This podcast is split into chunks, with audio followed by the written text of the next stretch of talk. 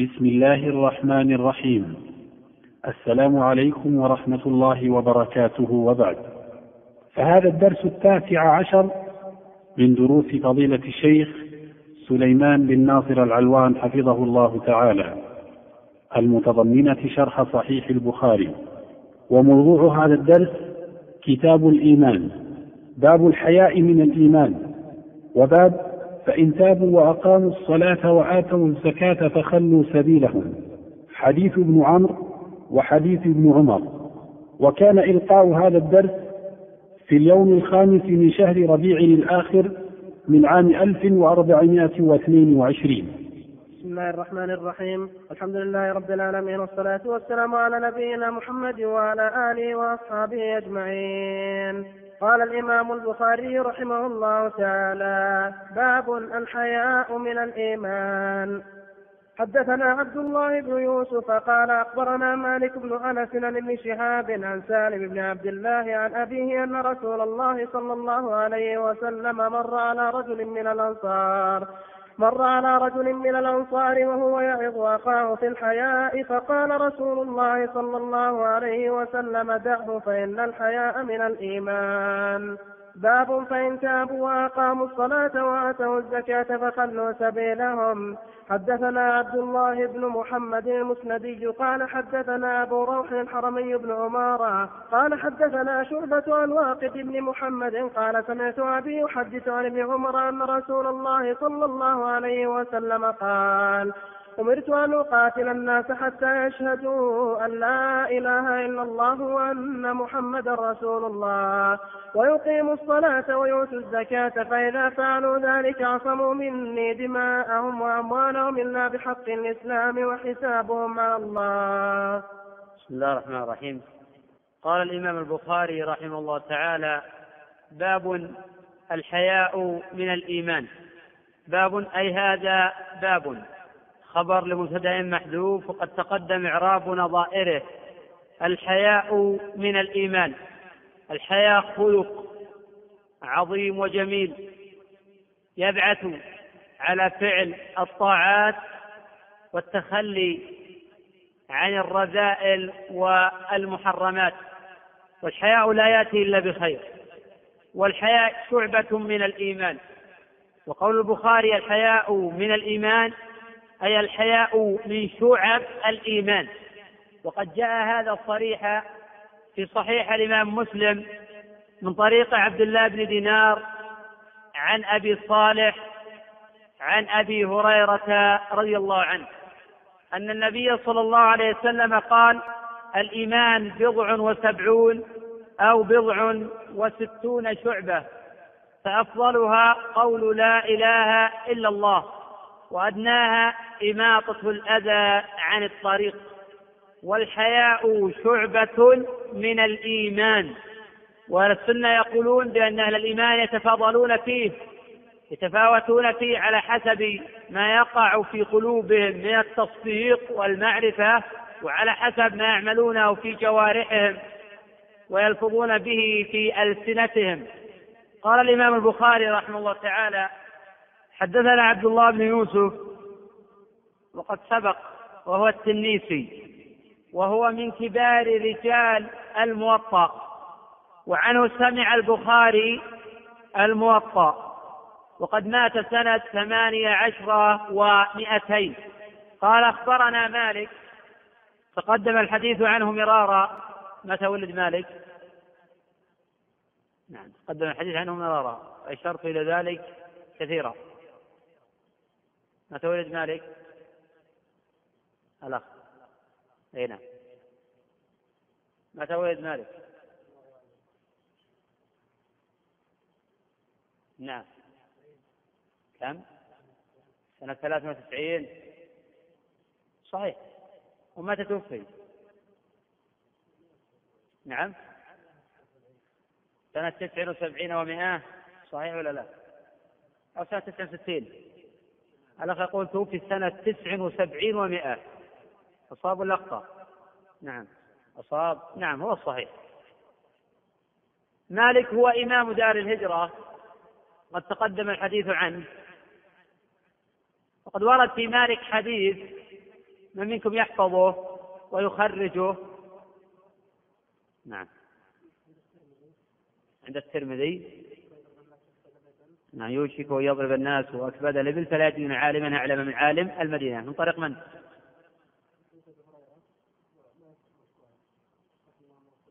جاء من طريق من؟ طريق ابن الزبير. طريق ابن جريج. عن أبي الزبير. عن أبي صالح. عن أبي هريرة. فسر الحديث بأنه مالك. قاله ابن عيينة وأحمد وجماعة. والراجح وقف هذا الحديث كما قاله الإمام أحمد رحمه تعالى فيما ذكره عنه الخلال. لكن للموقوف حكم مرفوع. نعم. عن ابن شهاب. تقدم الحديث أيضا عن ابن شهاب. متى ولد ابن شهاب؟ الأخ يوسف. ولد سنة خمسين. وقيل. اثنتين وخمسين. صحيح. خمسين وقيل اثنتين وخمسين متى توفي؟ سنة أربع وعشرين ومائة جيد. عن سالم بن عبد الله أي ابن عمر بن الخطاب وهو أحد الفقهاء السبعة على أحد الأقوال. من هم الفقهاء السبعة؟ لا مورد العبادة. مورد الفقهاء السبعة. طيب بمناسبة ذكر العبادة من هم العبادة الأربعة؟ عبد الله بن مسعود عبد الله بن عمر عبد الله بن الزبير وفي ابن مسعود كلام أيضا هل هو منهم أم لا؟ من هم الثلاثة أو الأربعة؟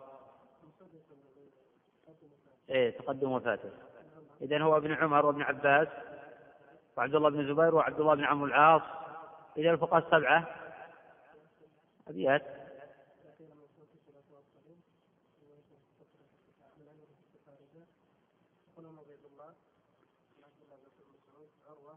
لحظة. إذا قيل من في الفقه سبعة أبحر روايتهم عن العلم ليست بخارجة فقل هم عبيد الله عروة قاسم سعيد أبو بكر سليمان خارجة. وقد روى ابن عساكر رحمه الله من طريق علي بن زيد بن جدعان وهو سيء الحفظ عن سعيد بن المسيب. قال قال لي عبد الله بن عمر أتدري لما سميت ابني سالما؟ قلت لا. قال باسم سالم مولى أبي حذيفة. قال الإمام مالك رحمه الله لم يكن أحد في زمان سالم بن عبد الله أشبه بمن مضى من الصالحين في الزهد والفضل والعيش منه. وقد قال الإمام أحمد وإسحاق عليهما رحمة الله أصح الأسانيد الزوري عن سالم عن أبيه عن النبي صلى الله عليه وسلم. وقد مات سنة ست ومائة وقيل غير ذلك وروى له الجماعة عن أبيه أي عبد الله بن عمر وهو أحد الصحابة المكثرين والعباد القانتين. روى عن النبي صلى الله عليه وسلم ألفين وستمائة وثلاثين حديثا تقريبا. وهو أكثر الصحابة رواية بعد أبي هريرة. هذا كم روى أبو هريرة عن النبي صلى الله عليه وسلم؟ كم روى؟ روى خمسة آلاف وثلاثمائة وثلاثة وسبعين حديثا تقريبا. كلها صحيحة؟ يعني فيها الصحيح وفيها الضعيف توفي عبد الله رضي الله عنه سنة ثلاث وسبعين وقيل سنة أربع وسبعين. أن رسول الله صلى الله عليه وسلم مر على رجل من الأنصار. لم يذكر اسم هذا الرجل لأحد أمرين. إما أن الراوي لا يعرفه أو أنه يعرفه وأخفى اسمه لأن الأمة لا حاجة بها إلى معرفة اسمه. وقوله من الأنصار الألف واللام هنا للعهد ماذا؟ الذهني. نعم. إذا قيل الأنصار مقصود أنصار الرسول صلى الله عليه وسلم الأوس والخزرج. قوله وهو يعظ أخاه. صحيح في معنى هذا أنه يعاتبه ويقول له إنك لتستحي حتى أضر بك الحياء فهو يعاتب على كثرة الحياء حتى يؤدي به إلى ذهاب الحق أو أخذ حقه وعدم القدرة على مطالبة به. فقال النبي صلى الله عليه وسلم لأنه سمع الرجل وهو يعظ وخاف الحياة باعتبار أنه قد مر به دعه لأن هذه النصيحة في غير محلها. قال دعه لأن هذه النصيحة في غير محلها ففي إنكار منكر في الحال وفي أنه لا يجوز تأخير البيان عن وقت الحاجة. فإن الحياء من الإيمان. فيه ذكر الدليل حين الإنكار.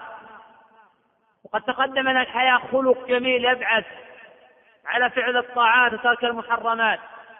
والحياء الذي يؤدي إلى ترك الأمر بالمعروف والنهي عن المنكر وترك طلب العلم وعدم السؤال عنه هذا ليس محمودا. والأصل في الحياة أنه لا يأتي إلا بخير.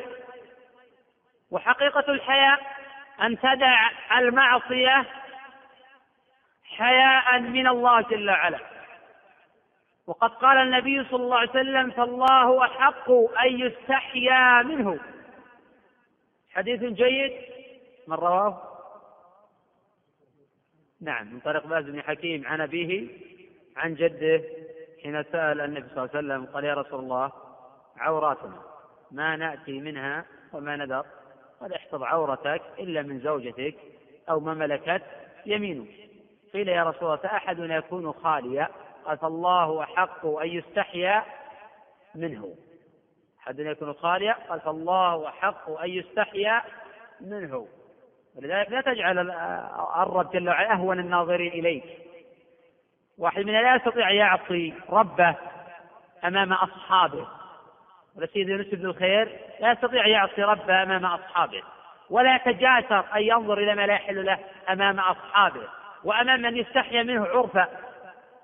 ولكنه قد لا يبالي أن ينظر إلى ما لا يحل له إذا خلع فجعل الله أهون الناظرين إليه. فلا ينبغي للعبد أن يجعل الله أهون الناظرين إليه. طبعا هو ما يعتقد هذا لو اعتقد هذا لكان له أمر آخر. لكن هذا واقع أو لسان حاله وواقع أمره. حيث يتجاسر على فعل معصية إذا خلا. ولا يتجاسر على فعلها عند بني جنسه. وقوله فإن الحياة من الإيمان أي من شعب الإيمان. ففي هذا دليل على أن الإيمان يزيد وينقص. في الرد على الجمية والمرجئة وجماعات من الطوائف الضالة. وفيها الرد على الخوارج. فيها الرد على الخوارج. أبا أحمد ما وجه الرد على الخوارج؟ نقول فيها الرد على الخوارج. ما وجه الرد على الخوارج؟ أولا عرفنا عن الخوارج. إذا الخوارج من هم؟ الخوارج هم الذين يخلدون أصحاب الكبائر في النار. نعم وهم الذين خرجوا على أمير المؤمنين علي رضي الله عنه وقتلوه ظلما وبغيا وعدوانا فقاتلهم علي رضي الله عنه. وقد أخبر عنهم النبي صلى الله عليه وسلم في أحاديث متواترة أنهم يمرقون من الإسلام كما يمرق السهم من الرمية وقال النبي صلى الله عليه وسلم تحقرون صلاتكم مع صلاتهم وصيامكم مع صيامهم يمرقون من الإسلام كما يمرق السهم من آه، الرمية طيب هل إذا اتصف الإنسان بخصلة من خصال الخوارج يصلح أن نقول عنه بأنه خارجي؟ نعم طيب إذا شخص وافق الخوارج مسألة من المسائل وأخطأ فيها هل يصح أن نقول عنه بأنه خارجي؟ ألق نعم. إذا في خصم من خصال الخوارج لكن لا يقال عنه بأنه خارجي حتى تكون أصوله أصول الخوارج. وكذلك إذا كان في خصم من خصال أهل الأرجع. لا يصلح أن نقول عنه بأنه من أهل الأرجع حتى تكون أصوله أصول المرجعة وقد تحدثت بالأمس عن قضية حكم تارك الصلاة والمباني الأربع دون الشهادتين.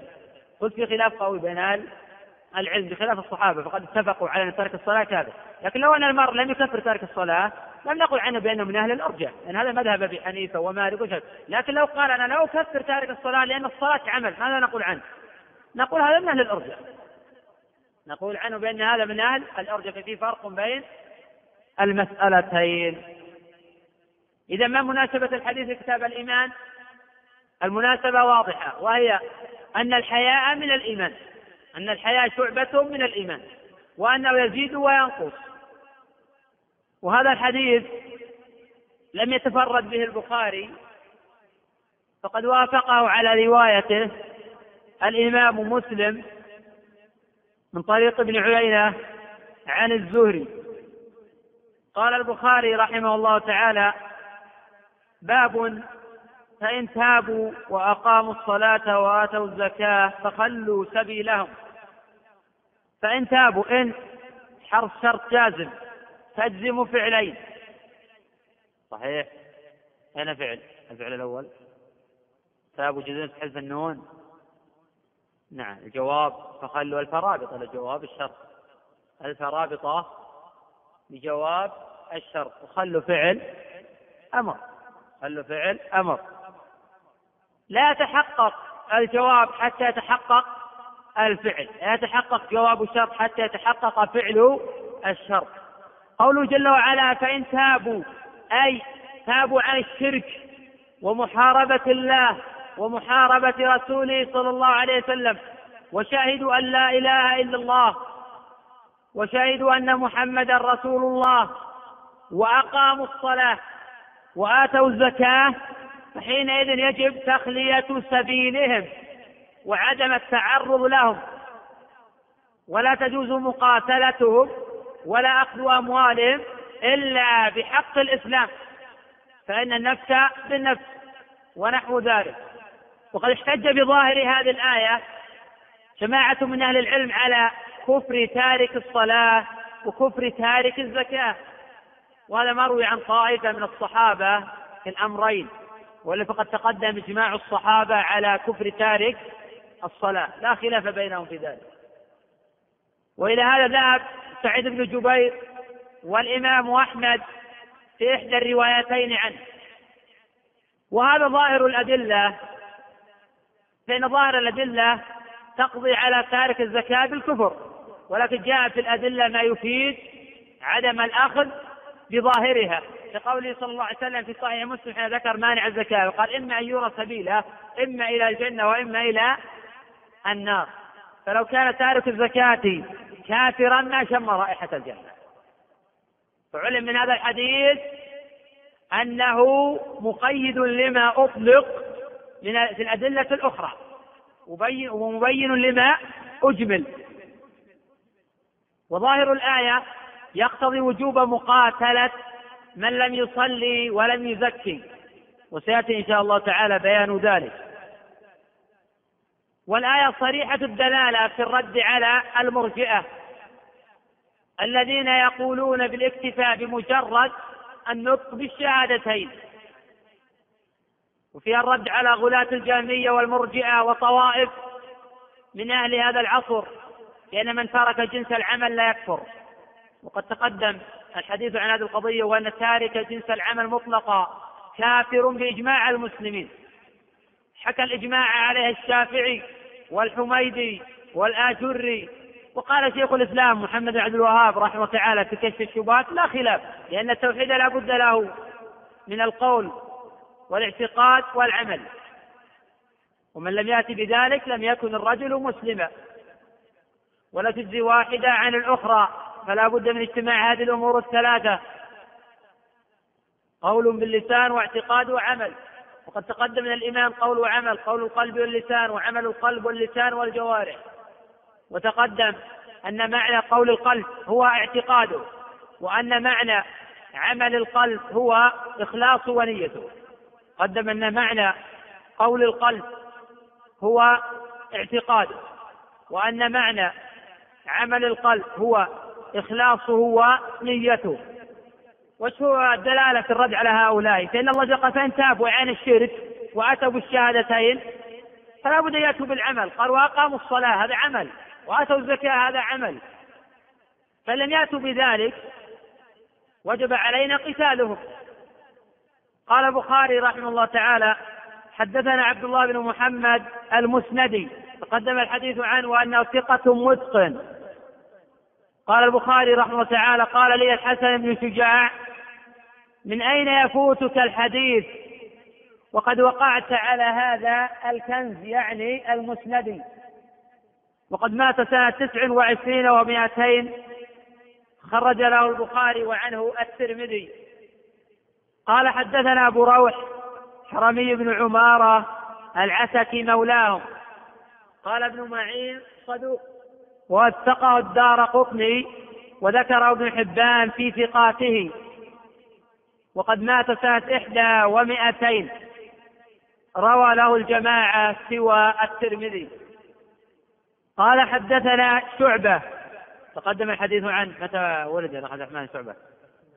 ولد سنة 82 وتوفي سنة 60 و100 سجن خرج له الجماعة عن واقد بن محمد قال شعبة عن واقد بن محمد أي ابن زيد بن عبد الله بن عمر بن الخطاب واتقاه الإمام أحمد وابن معين وإسحاق بن منصور.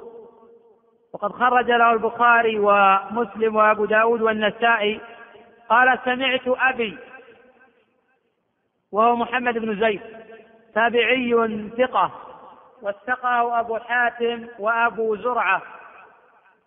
وروى له الجماعة عن ابن عمر رضي الله عنهما أن رسول الله صلى الله عليه وسلم قال أمرت أن أقاتل الناس. أمرت الآمر هو الرب جل وعلا. إذا قال الرسول صلى الله عليه وسلم أمرت فهو الآمر هو الرب جل وعلا. إذ لا يتأتى الأمر من قبل غيره.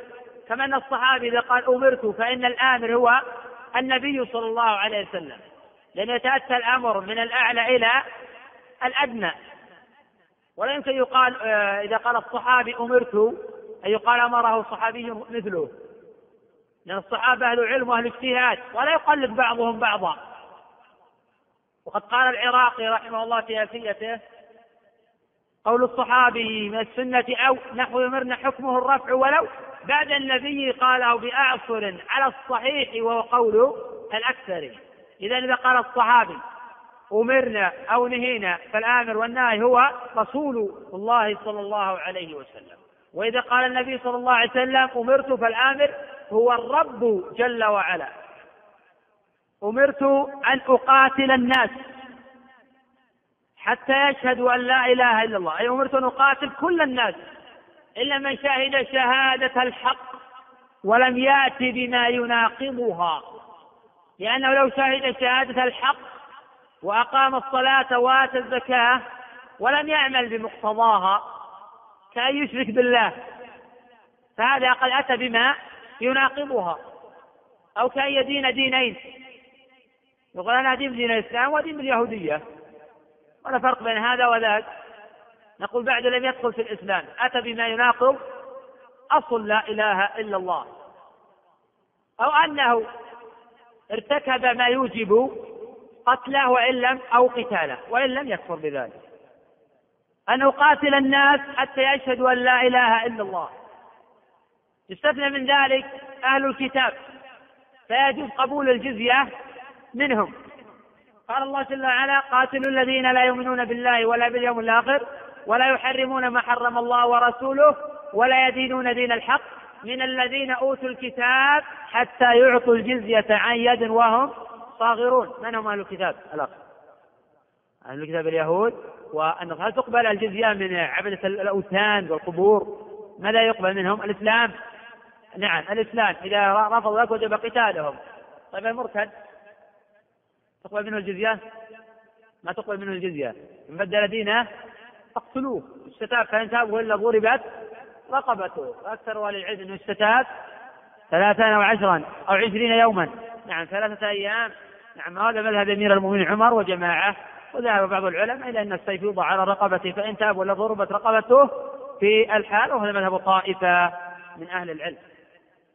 حتى يشهدوا أن لا إله إلا الله الأوائل كانوا يفهمون معناها وما دلت عليه. حتى كفار قريش كانوا يفهمون معنى هذه الكلمة وأنها تقتضي البراءة مما يعبد من دون الله. وحين قال النبي صلى الله عليه وسلم لأبي طالب يا عمي قل لا إله إلا الله كلمة أحاج لك بها عند الله؟ قال أبو جهل وعبد الله بن أبي أمية أترغب عن ملة عبد المطلب.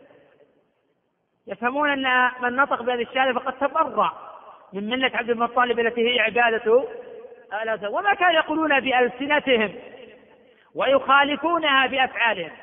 كما هو واقع كثير من المتأخرين يقول لا إله إلا الله ويشهد محمد رسول الله ولعله يصلي ويصوم ويزكي ويحج ولكن يدعو غير الله. يقول يا بدوي اغفر لي. يا رسول الله ارحمني.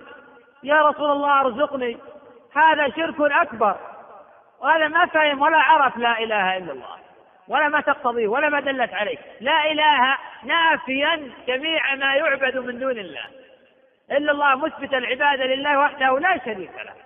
ولهذا يقول شيخ الإسلام محمد بن عبد الوهاب رحمه الله على الحديث السابق المتفق على صحته من حديث الزوري عن سعيد بن سيب عن أبي قال لما حضرت أبا طالب الوفاه أتاه رسول الله صلى الله عليه وسلم وعنده عبد الله بن أمية الحديث بطوله قال شيخ الإسلام فقبح الله من أبو جهل أعلم منه بلا إله إلا الله. فقبح الله من أبو جهل أعلم منه بلا إله إلا الله. وهذا هو الواقع الحاد. فإن جاء ليفهم من هذه الكلمة أن تقتضي البراءة من كل معبود سوى الله. وهؤلاء يقولون إلا الله ويشركون بالله. فصار أبو جهل أعلم منهم بكلمة الإخلاص وبما دلت عليه من النفي والإثبات. ولهذا إذا نطق بها من من الكفار تخلى عن عبادة لا يتصور أنه يعبد الأوثان إذا قال لا إله إلا الله. أما الآن يشهد إلا الله وأن محمد رسول الله. ولا يزال عاكفا على عبادة القبور والطواف عليها وعلى سؤال الأولياء والصالحين والاستنجاد بهم وسؤال إغاثة الآفات وإزالة الكربات وكشف الملمات. نسأل الله السلامة والعافية. قوله وأن محمدا رسول الله. قبل ذلك قد يقدر الخبر. لا إله إلا الله. لا إله موجود لنا. صحيح هذا؟ لا إله موجود إلا الله يصح أن نقول بهذا؟ ليش غلط؟ نعم لأن الكفار آه، لأن الكفار مقرون بذلك ولأن هذا من توحيد الربوبية ولأن الخصومة بين الرسل وبين آه، مخالفيهم ليست هي في وجود الله إنما هي بالعبادة بإفراد الله جل وعلا بالعبادة. إذا إذا قدر الخبر لا إله موجود إلا الله فهذا التقدير باطل وهذا لم ينكره أحد. إذا لا معنى له. وللأسف أنه يقول بذلك طوائف من المنسوبين للعلم. وهذا مذهب الأشاعرة وجماعة من المتكلمين الذين لا يعرفون توحيد العبادة إنما لا يعرفون التوحيد إلى توحيد الربوبية. إذا الخبر المقدر المحذوف ما هو؟ ألف. ألف. نظر مشاركة الأخوة الذين لم يشاركوا من قبل. فهد الخبر المقدر محذوف لا نحن منذ اليوم نرد هذا القول. نعم الأخ؟ أي نعم. لا معبود؟ لا إله معبود إلا الله. الآلهة المعبودة كثيرة. أإله مع الله. أرباب متفرقون. مصيبة هذه. هذه من المسائل أن نتقنها وأن نضبطها وأن نحرص عليها وأن نعنى بها. توحيد من أهم المهمات. وهو آكد الواجبات على الإطلاق. المتكلمون يتكلمون عن أول الواجبات. منهم يقول معرفة ومنهم يقول كذا ومنهم يقول كذا وأشياء ومبتدعات وأشياء لا حقيقة لها وأشياء وهمية. لا أهل السنة يقولون أهم المهمات وآكل الواجبات هو التوحيد. يا أيها الناس اعبدوا ربكم أي وحدوا ربكم. وأعظم ما يعنى به الإنسان أن يفهم معنى هذه الكلمة العظيمة. التي من أجلها أرسلت الرسل وأنزلت الكتب ومن أجلها شرع الجهاد من أجل افترق الناس إلى شقي وإلى سعيد. خبر. نعم. لا إله حق إلا الله. قال الله جل وعلا ذلك بأن الله هو الحق وأن ما يدعون من دونه الباطل وأن الله هو العلي الكبير. قوله وأن محمد رسول الله حتى يشهد لا إله إلا الله وأن محمد رسول الله. إن لو شهدوا أن لا إله إلا الله ولم يشهدوا محمد رسول الله وجب قتالهم ولن يدخلوا بعد في الإسلام. ومن هنا نستخلص فائدة وهي أن اليهود والنصارى مخلدون في الجحيم. ولو شهدوا أن لا إله إلا الله حتى يضيفوا إلى ذلك الشهادة لأن محمدا رسول الله. إذا لا يكتفى بمجرد الإقرار بوجود الله ونحو ذلك. وقد أجمع المسلمون على أن اليهود والنصارى مخلدون في عذاب جهنم. إن الله لعن الكافرين وأعد لهم سعيرا خالدين فيها أبدا. لا يجدون وليا ولا نصيرا. وهذا هذه مسألة من الأمور القطعية عند أهل العلم. ولم ينازع في ذلك إلا حثالة من أفراغ العقلانيين العصريين. ممن لا يفهمون من القرآن إلا اسمه ولا يعرفون شيئا مما جاءت به الرسل. ومن عرف ما جاءت به الرسل لم يتوقف في كفر اليهود والنصارى وفي أنهم أصحاب السعير وأنهم مخلدون في الجحيم. كل من بلغته الرسالة ولم يؤمن بها فإنه من أصحاب الجحيم. النبي صلى الله عليه وسلم يقول لا يسمع بي أحد من هذه الأمة لا يهودي ولا نصراني ثم لم يؤمن بما أرسلت به إلا كان من أصحاب النار. من روى الحديث؟ من روى الحديث؟ من روى الحديث؟ من منكم يعرفه؟ نعم. روى مسلم حديث أبي هريرة رضي الله عنه. وأن محمد رسول الله.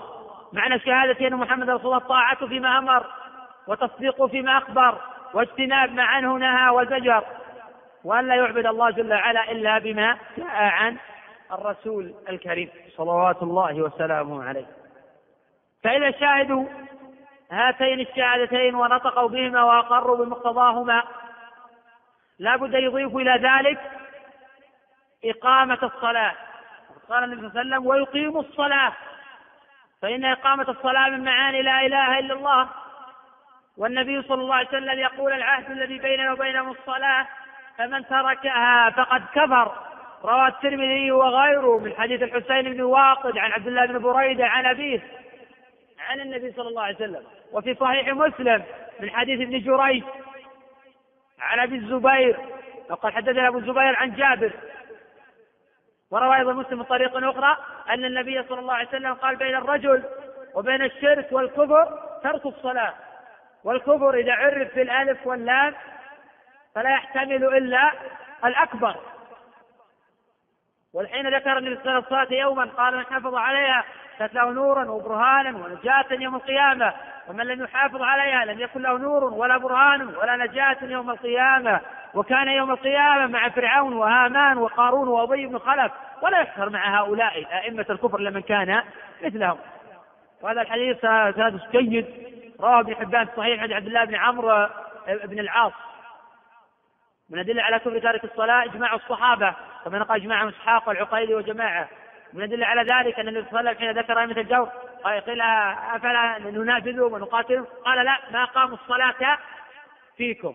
وفي الأحاديث الأخرى قال إلا أن ترى كفرا فواحا إلا تقاتلون إلا أن ترى كفرا فواحا وجعل من الموجبات القتال ترك الصلاة. فعلم أن ترك الصلاة من الكفر البواح. وهذا ظاهر القرآن قال الله جل وعلا وأقيموا الصلاة ولا تكونوا من المشركين. إذا من امتنع عن أداء الصلاة وجب قتاله.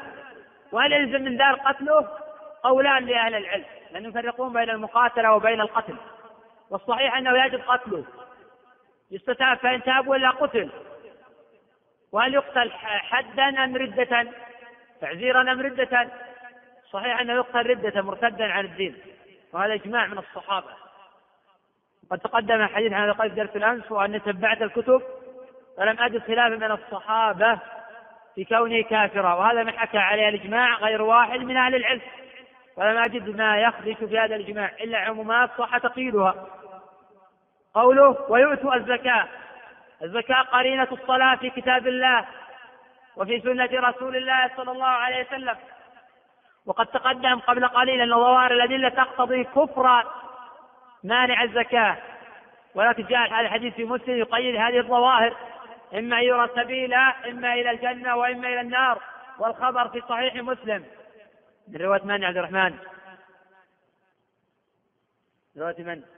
إما يرى سبيلا إما إلى الجنة وإما إلى النار. أكيد. من منكم يعرف؟ نعم. نعم صحيح. ما وجه الدلالة من الحديث؟ وجه الدلالة إما يرى سبيلا إما إلى الجنة وإما إلى النار؟ ما معناه نعم. نعم. لو كان مانع الزكاة مرتدا عن الدين لما قال الإنسان إما إلى سبيلا إما إلى الجنة وإما إلى آه النار. ويمكن أن نقسم آه تارك الزكاة إلى ثلاثة أقسام. القسم الأول من منع الزكاة جحدا لوجوبها. فهذا كافر بالإجماع. القسم الثاني من منعها بخلا ولم يجحد وجوبها ولم يقاتل على منعها. فهذا فاسق يجب قتاله على منع الزكاة لأن النبي صلى الله عليه وسلم قال أمرت أن أقاتل الناس ولكن لا يقتل ردة. وهذا مذهب الأئمة الأربعة وذهب بعض أهل العلم إلى أنه كافر. كما هو ظاهر المنقول عن أبي بكر وعمر وهو مذهب سعيد بن جبير ورواية عن الإمام أحمد رحمه الله. القسم الثالث من منع الزكاة وقاتل على منعها. الصحيح أنه يقاتل ردة لأن هذه قرينة على الاستحلال. قد تقدم الحديث عن الزكاة وأن لا تجب إلا بشروط خمسة. من منكم يحفظها؟ من منكم يحفظ الشروط الخمسة لا تجب الزكاة إلا بها؟ سبق ذكرت وأمليت عليكم. من منكم يحفظ شروط الزكاة لا تجب الخمسة الزكاة إلا بها آه الذي يريد يذكرها لابد يستكملها يذكر واحدا ثم يقف نعم. الإسلام والحرية وتمام الملك. ملك نصاب ومضي الحول صبت وأحسنت. قوله فإذا فعلوا ذلك من الإقرار بالشهادتين وإقام الصلاة وإيتاء الزكاة عصموا مني دماءهم وأموالهم. ومفهوم هذا الخبر. أن من امتنع عن شيء من ذلك وجب مقاتلته. يجرنا الحديث عن قضية قتال أبي بكر لمانع الزكاة. حيث اعترض عليه عمر قال كيف تقاتل؟ أقواما يشهدون أن لا إله إلا الله وأن محمدا رسول الله. قال أبو بكر والله لأقاتلن من فرق بين الصلاة والزكاة وإن لقرينتها في كتاب الله. ولم يحتج أبو بكر رضي الله عنه على عمر بهذا الحديث ولم يفطن عمر أيضا لهذا الحديث مع أنه من رواية ابنه. فقيل أحد الأجوبة عن ذلك أن هذا الخبر ضعيف لم يثبت. وعلوا بتفرد واقل بن محمد بالخبر عن أبيه وتفرد أبيه عن ابن عمر. وهذا الجواب ضعيف. لأنه قد جاء بنحوه في الصحيحين من حديث أبي هريرة وجاء في مسلم حديث جابر. وقيل فيه دلالة أن العالم الكبير قد يقطع عليه من العلم يطلع على غير غيره. وهذا جواب جيد. إذا لا حجة لمن احتج عليك بقول فلان والآخر وأنه أعلم منك ولم يقل بذلك. لأن العالم قد يخفى عليه. ما يطلع عليه من هو دونه في العلم. ولا سيما أن المناظرة جاءت بين بكر وعمر كانت في الحال. ولا سيما في في اشتداد عند اشتداد الأمر. حين امتنع هؤلاء عن فريضة فريضة من فرائض الإسلام. فإن هذا موطن للذهول عن استحضار الأدلة. وقيل غير ذلك من الأجوبة. قوله إلا بحق الإسلام. يفسر هذا ما جاء في الصحيحين من حديث ابن مسعود أن النبي صلى الله عليه وسلم قال لا يحل دم امرئ مسلم لا يحل دم امرئ مسلم. يشهد أن لا إله إلا الله وأن محمدا رسول الله إلا بإحدى ثلاث. النفس بالنفس والسيب الزاني والمفارق لدينه التارك للجماعة. إذا من بدل دينه وجب قتله هذا من حق الإسلام. ومن قتل نفسا وجب قتل ما لم يعف صاحب ما لم يعف صاحب الحق. ومن زنى وهو محصن وجب رجمه لأن هذا من حق الإسلام. قوله وحسابهم على الله. أي نكل بواطنهم إلى الله. هذا الحديث أصل في إجراء الأمور على ظواهرها ما دام المرء يشهد أن لا إله إلا الله وأن محمدا رسول الله وما دام أنه يقيم الصلاة ويؤتي الزكاة فليس لنا أن نفتش عن باطنه. نجري الأمور على ظواهرها. قال النبي صلى الله عليه وسلم وحسابهم على الله. بقي علينا ما مناسبة هذا الحديث لكتاب الإيمان. من منكم يعرف. ما مناسبة هذا الحديث لكتاب الإيمان. نعم. الحقيقة أن مناسبة الحديث من وجوه متعددة. نذكر آه، هذه الوجوه. الوجه الأول أن الأعمال داخلة في مسمى الإيمان. الأمر الثاني أنه لا يكتفى بمجرد النطق بالشهادتين ولا بمجرد التصديق حتى يضيف إلى ذلك الأعمال الجوارح. يعني كما تقدم أن الشافعي وجمع من العلم قال الإجماع أنه أن التوحيد لا يصح إلا بثلاثة أمور بالقول والعمل والاعتقاد ويقال النية. كما قال شيخ الإسلام محمد الوهاب رحمه تعالى في اخر تشريفات لا خلاف أن التوحيد لابد أن يكون بالقول والاعتقاد والعمل. إذا اختل شيء من هذا يقول لم يكن رجل مسلم إذا قول واعتقاد وعمل. وهذا أمر مجمع عليه بين أهل السنة والجماعة. وفي أيضا أن الترك يسمى عملا. داخل في التروك داخله في الأعمال. لأن إذا ترك تلك العمل يسمى تاركا للإيمان. وفي أنه لا يكتفى بالنطق بالشهادتين حتى يضيف إلى ذلك العمل. وفي أن من امتنع عن إقامة الصلاة وإيتاء الزكاة وجبت مقاتلته. وحل لنا دمه وماله. ولكن هل لأحد الناس أن يقيم الحدود دون السلطان؟ في من فصل في هذه القضية وفي من منع مطلقا وفي من جوز حين لا يقيم الحدود السلطان أو حين لا يقيم السلطان الحدود. ولكن قد يسبب إقامة الحدود دون السلطان فوضى وذهب هيبة السلطان فيشرع كل شخص في قتل الآخر ويدعي أنه قد ارتد. أو أنه قد فعل ما يوجب إقامة الحد وذلك الصحيح امتناع إقامة الحدود دون السلطان. وإن كانت هذه المسألة تحتاج إلى تفصيل أكثر مثلا مما نستفيده. يعني جاءت المسألة عرضا. ومن فوائد الحديث أنه يكتفى بالأعمال الظاهرة ما لم يأتي بما يناقضها. والله هو الذي يحاسب إن كان منافقا فإن المنافقين في الدرك الأسفل من النار. وحديث الباب لم يتفرد به البخاري بل رواه مسلم من طريق عبد الملك بن الصباح عن شعبة. وبنحوه جاء في الصحيحين من حديث أبي هريرة ورواه مسلم من حديث جابر والله أعلم. نعم. لا وضح له المعنى. في عصرنا هذا حين كثر الجهل حيث ان الإنسان إذا أسلم ونطق بالشهادتين لا يفهم معناهما. ولا ما دلت عليه فنظرون فهم المعنى فيما سبق. كان الرجل قال لا إله إلا الله وشهد محمد رسول الله. آه، يذهب ماله وتذهب نفسه دون هذه الكلمة. ويحقق معناه ويبحث هو عن العمل بها وما دلت عليه ويفهم الخطاب من هذا الكلام أما الآن يقول لا إله إلا الله كما تقدم ويشهد محمد رسول الله ولا يفهم. إذا من الضروري ان نعلمه وذكر الله جل وعلا فاعلم أنه لا إله إلا الله واستغفر لذنبك. فبدأ بالعلم قبل القول والعمل. نعم. جيد.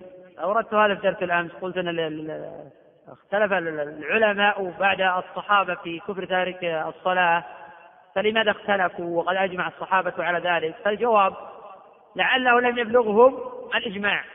مع انه قد حكاه العقيلي رواه الترمذي سند صحيح وحكاه إسحاق حكاه جماعة من أهل العلم. أو أنه بلغهم ولم يثبت عندهم. أو أنه بلغهم وثبت عندهم ولكن رأوا أن له معارضا أرجح وأقوى فذهبوا إليه. فهم أئمة مجتهدون. نعم.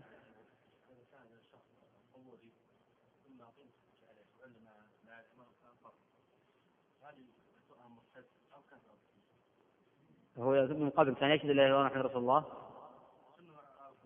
يعتبر ارتد لكن عاد إلى الإسلام مرة أخرى. ينبغي يفهم معناها. ومقتضى هذه الكلمة. أبى يرجع. يعتبر مرتدا عن الدين. إذا قال الإنسان أشهد أن لا إله إلا الله محمد رسول الله وطاف على القبور أو دعا غير الله وأخبر بذلك وأقيمت عليه الحجة وزالت عنه الشبهة وانتفت عنه موانع التكفير فإنه حينئذ يصبح مرتدا عن الدين. نعم. يصلي لغير الله؟ يصلي للميت. الدعاء عند القبور رجاء ببركة الله أو رجاء الاستجابة أو يظن أن الاستجابة الدعاء مستجاب عند قبور الصالحين. هذا يعتبر مبتدعا ولا يعتبر كافرا. لكن لو دعا الميت قال يا فلان اغفر لي. يعتبر مشركا. نعم.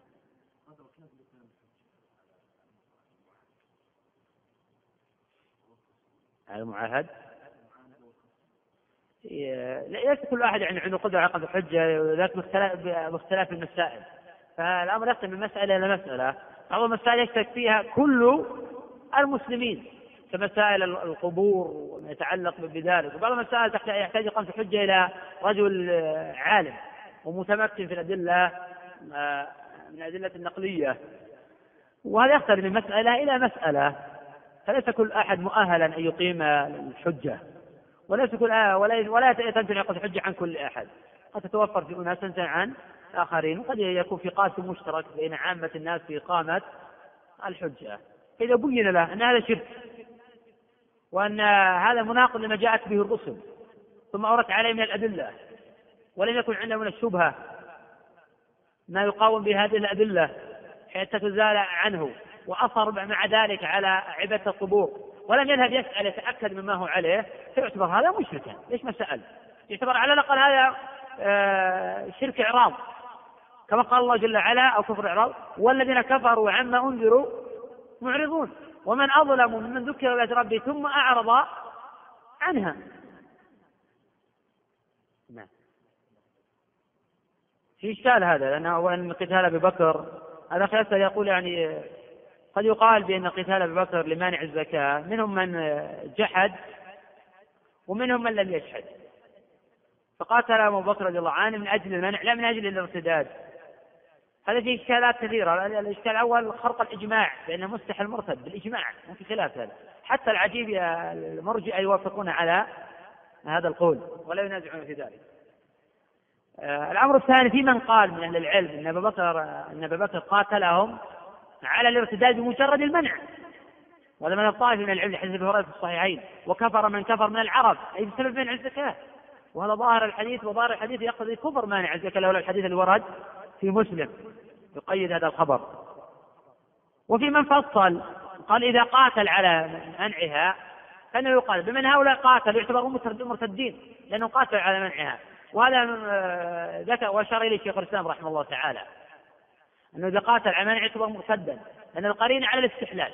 وهذا الصحيح أنه إذا قاتل على منع القرينة على الاستحلال.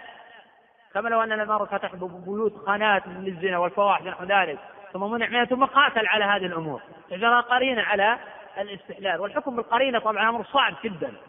يحتاج إلى بحث واطلاع ونظر واستشارة واعتبار قرائن ونحو ذلك. لا يستطيع كل أحد يحكم بالقرائن على كفر الاستحلال. نعم.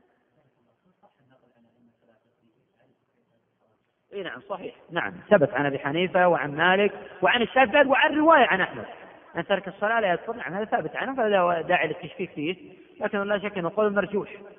الأدلة كثيرة جدا في كفر ترك اوردنا قبل قليل كثيرا منها وفي درس الامس اوردت أيضا عدة أدلة في في ذلك وهذا الذي يجمع على الصحابة ولا أعلم خلافا بين الصحابة في كفر تارك الصلاة ولا لم يجد وجوبها.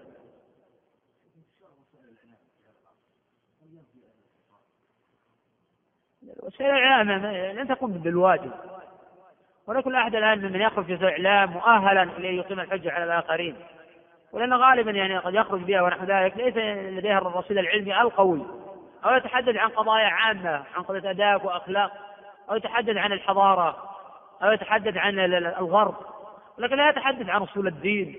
ولا يتحدث عن ما جاءت به الرسل. ولا يتحدث عن التوحيد الذي لا قوام للبلاد ولا للعباد إلا به. ففي افتقار كبير لطرق هذه المسائل وبحثها ومناقشتها وتبليغها لمن لا يعلمها. نعم. اي نعم. اي نعم.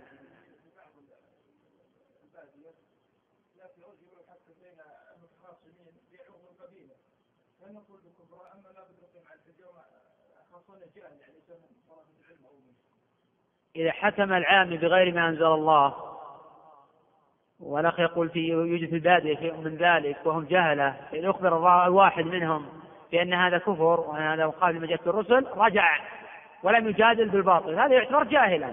صحيح أن هذا للجاهل يعذر به الإنسان. وأنا في درس الأمس أتحدث عن قضية الجهلة أتحدث عما لا يمكن جهله في هذا العصر وهي قضية التشريع الموجودة الآن عند الحكام الذي يشرعون دون الله جل وعلا ويفرضونها على العباد ويقننون هذه الأنظمة ومن خالفها أو اعترض على هذه النظم الجاهلية بطشوا به أو قتلوه. عن هذه القضية وأن هذا مناقضة ما جاءت بالرسل وأنا من تبديل الدين. وأنا لم كفر البواح. يعارض يعتبرك يعتبرك جاهلا. يعني لا يمكن حل يقول لا يمكن حل مشاكل القبائل إلا بالإعراف بحكم الله حكم الرسول صلى الله عليه وسلم. إذا قال الإنسان ونطق واعتقد أن لا يمكن حل مشاكل القبائل إلا بالإعراف دون حكم الله وحكم رسوله صلى الله عليه وسلم فإنه يكفر بذلك. ومن لم يحكم ما أنزل الله فاولئك هم كافرون ويعتبر هذا الرجل منافقا. كما قال الله جل وعلا لم ترى إلى الذين يزعمون أنهم آمنوا ما أنزل إليكم وانزل من قبلك. يريدون أن يتحاكموا إلى الطاغوت وقد أمروا أن يكفروا به ويريد الشيطان ظلا ضلالا بعيدا. والله جل وعلا قال ولا يشرك في حكمه أحدا. والله جل وعلا قال فلا وربك لا يؤمنون. حتى يحكموك فيما شجر بينهم ثم لا يجد في أنفسهم حرجا ما قضيت ويسلموا تسليما.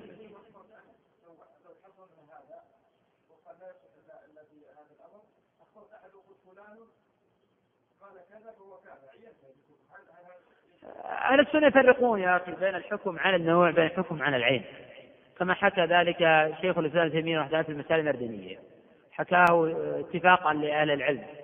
أنهم يفرقون بين النوع وبين العين وبعض أهل العلم يفرق بين مسألة دون أخرى. وقد بين ما عنده ضرورة لا يعلم الدين بالضرورة الصحيح لا فرق بين هذا ولا ذاك ولا بين المسائل القولية ولا مسائل العلمية ولا بين المسائل العملية. وأن أهل العلم يفرقون بين النوع والعين فقد نحكم على العين لأن من قال كذا أو فعل كذا فإنه كافر. لأن لا يشبه بين العين من فعل أو قال ما كفر صريح كفر بذلك. ولكن هل يحكم بعينه إذا قامت عليه الحجة وانتفت عنه الموانع فإنه يعني يعين قال فلان كافر. إذا لم تقم عليه الحجة فإنه ينتظر حتى تقام عليه الحجة وأدلة هذا كثيرة. والله أعلم. بسم الله الرحمن الرحيم. السلام عليكم ورحمة الله وبركاته وبعد. فهذا الدرس العشرون من دروس فضيلة الشيخ سليمان بن ناصر العلوان حفظه الله تعالى. المتضمنة شرح صحيح البخاري. وموضوع هذا الدرس كتاب الإيمان. باب من قال أن الإيمان هو العمل. حديث أبي هريرة. وكان إلقاء هذا الدرس في اليوم السادس من شهر ربيع الآخر من عام 1422 بسم الله الرحمن الرحيم. الحمد لله رب العالمين والصلاة والسلام على نبينا محمد وعلى آله وأصحابه أجمعين. قال الإمام البخاري رحمه الله تعالى باب من قال إن الإيمان هو العمل لقول الله تعالى. وتلك الجنة التي أورثتموها بما كنتم تعملون. وقال عدة من أهل العلم في قوله تعالى فوربك لنسألنهم أجمعين عما كانوا يعملون. عن قول لا إله إلا الله وقال تعالى لمثل هذا فليعمل العاملون. حدثنا أحمد بن يونس وموسى بن إسماعيل قال حدثنا إبراهيم بن سعد قال حدثنا ابن شهاب عن سعيد بن المسيب عن أبي هريرة أن رسول الله صلى الله عليه وسلم سئل أي العمل أفضل فقال إيمان بالله ورسوله. قيل ثم ماذا قال الجهاد في سبيل الله؟ قيل ثم ماذا قال حج مبرور؟ بسم الله الرحمن الرحيم. قال الإمام البخاري رحمه الله تعالى باب من قال إن الإيمان هو العمل. الإيمان أصله معرفة القلب وتصديقه وقوله والعمل تابع لهذا العلم والتصديق. فلا يكون الرجل مؤمنا إلا باجتماع هذه الأمور. الإيمان قول وعمل قول القلب واللسان وعمل القلب واللسان والجوارح.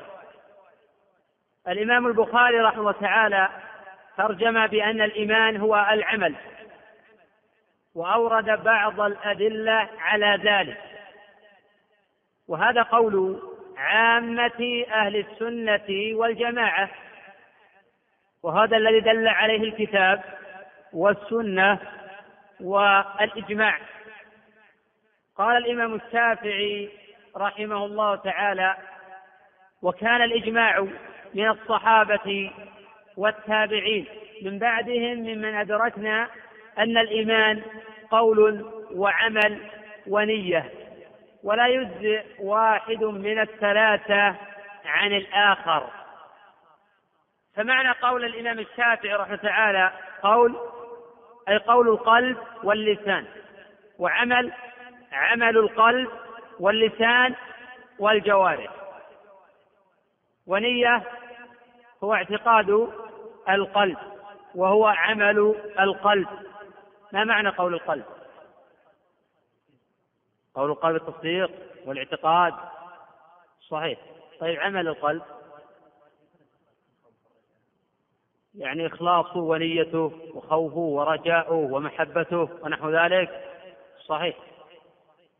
وقال البخاري رحمه الله تعالى لقيت أكثر من ألف رجل من العلماء بالأمصار فما رأيت أحدا منهم يختلف في أن الإيمان قول وعمل يزيد وينقص.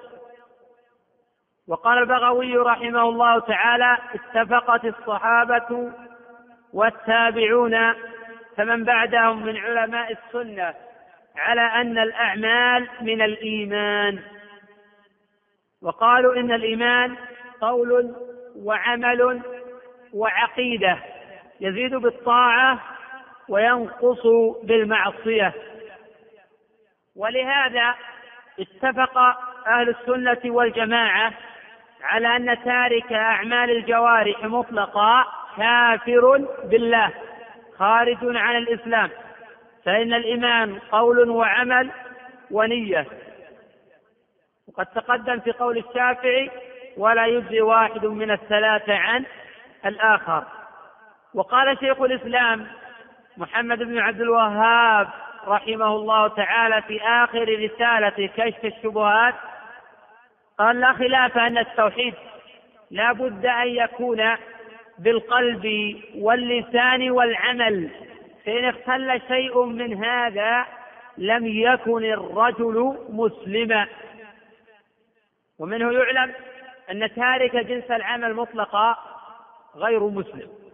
يحتمل أن يكون مقصود البخاري رحمه تعالى بقوله إن الإيمان هو العمل أي الإيمان القلبي هو عمل وهو الذي تنبعث منه أعمال الجوارح. ولأنه قد تقدم في قول عامة أهل السنة أن الإيمان قول وعمل قول القلب وعمل القلب. قول القلب هو اعتقاد وعمل القلب هو إخلاصه ونيته ومحبته وخوفه ورجاؤه. تنبعث من هذا أعمال الجوارح. ويمكن يستدل لذلك بما أورده البخاري رحمه تعالى من قول الله جل وعلا وتلك الجنة التي أورثتموها بما كنتم تعملون. الجنة مخلوقة كما تقدم في قول عامة أهل السنة والجماعة وهي باقية لا فناء لها أورثتموها. أي صارت إرثا لكم حين دخلتموها. والسبب في ذلك بما الباء سببية بما كنتم تعملون. أي من الأقوال والأفعال والاعتقادات. وإلا فلو قال ولو ولم يعمل لم يكن الرجل مسلما. ولو اعتقد ولم يقل ولم يعمل لم يكن الرجل مسلما. إذا المقصود من الأقوال والأفعال يكون مع ذلك أعمال. تصدق الأقوال والأفعال أو تصدق الأقوال والاعتقادات. فلو قال بلسانه واعتقد بقلبه ولم يعمل بجوارحه لم يكن الرجل مسلما. ففي ذلك الرد على المرجئة الذين يقولون يكفي من الإيمان التصديق. هذا قول غلاة المرجئة. وهو مذهب الجهمية. يلزم من كلامهم أن يكون أبو طالب مسلما لأنه كان مصدقا للنبي صلى الله عليه وسلم وكان يحمي النبي صلى الله عليه وسلم وكان ينافح عن النبي صلى الله عليه وسلم وكان يذب عن النبي صلى الله عليه وسلم. وكان يقول لولا أن تعيرني بها قريش لأقررت بها عينك. والحديث في صحيح مسلم مسلم وغيره. وكان يقول والله لن يصلوا إليك بجمعهم حتى أوسد تحت التراب دفينا وكان يقول لقد علمت بأن دين محمد من خير أديان البرية دينا لولا الملامة أو حجار مسبة لوجدتني سمحا بذاك مبينا. وقد قيل إن قول الله جل وعلا وهم ينهون عنه وينأون عنه إنها نزلت في أبي طالب وهم ينهون عنه ينهون عن أذيته وينأون عنه أي يبتعدون وينأون عن اتباعه. صحيح أنه لم يثبت نزول هذه الآية في أبي طالب ولكن قيل أن معناها في أبي طالب. إذا مجرد التصديق غير كاف كذلك اللفظ ما لم يصدقه عمل فإنه مجرد دعوة. وحين ادعى قوم محبة الله امتحنهم الله جل وعلا بقوله. قل إن كنتم تحبون الله فاتبعوني يحببكم الله. وقال تعالى إن الله يحب الذين يقاتلون في سبيله صفا كأنهم بنيان مرصوص. فمجرد القول دون الاعتقاد غير كافي. ومجرد الاعتقاد دون القول غير كافي. ومجرد الاعتقاد والقول دون العمل لا يجزي ولا ينفع. فلا بد من اجتماع هذه الأمور الثلاثة حتى يصبح الرجل مسلما. لكن حين يقال عن الإيمان لأنه هو معرفة القلب وتصديقه والقول فإن العمل يكون تابعا لهذا العلم والتصديق.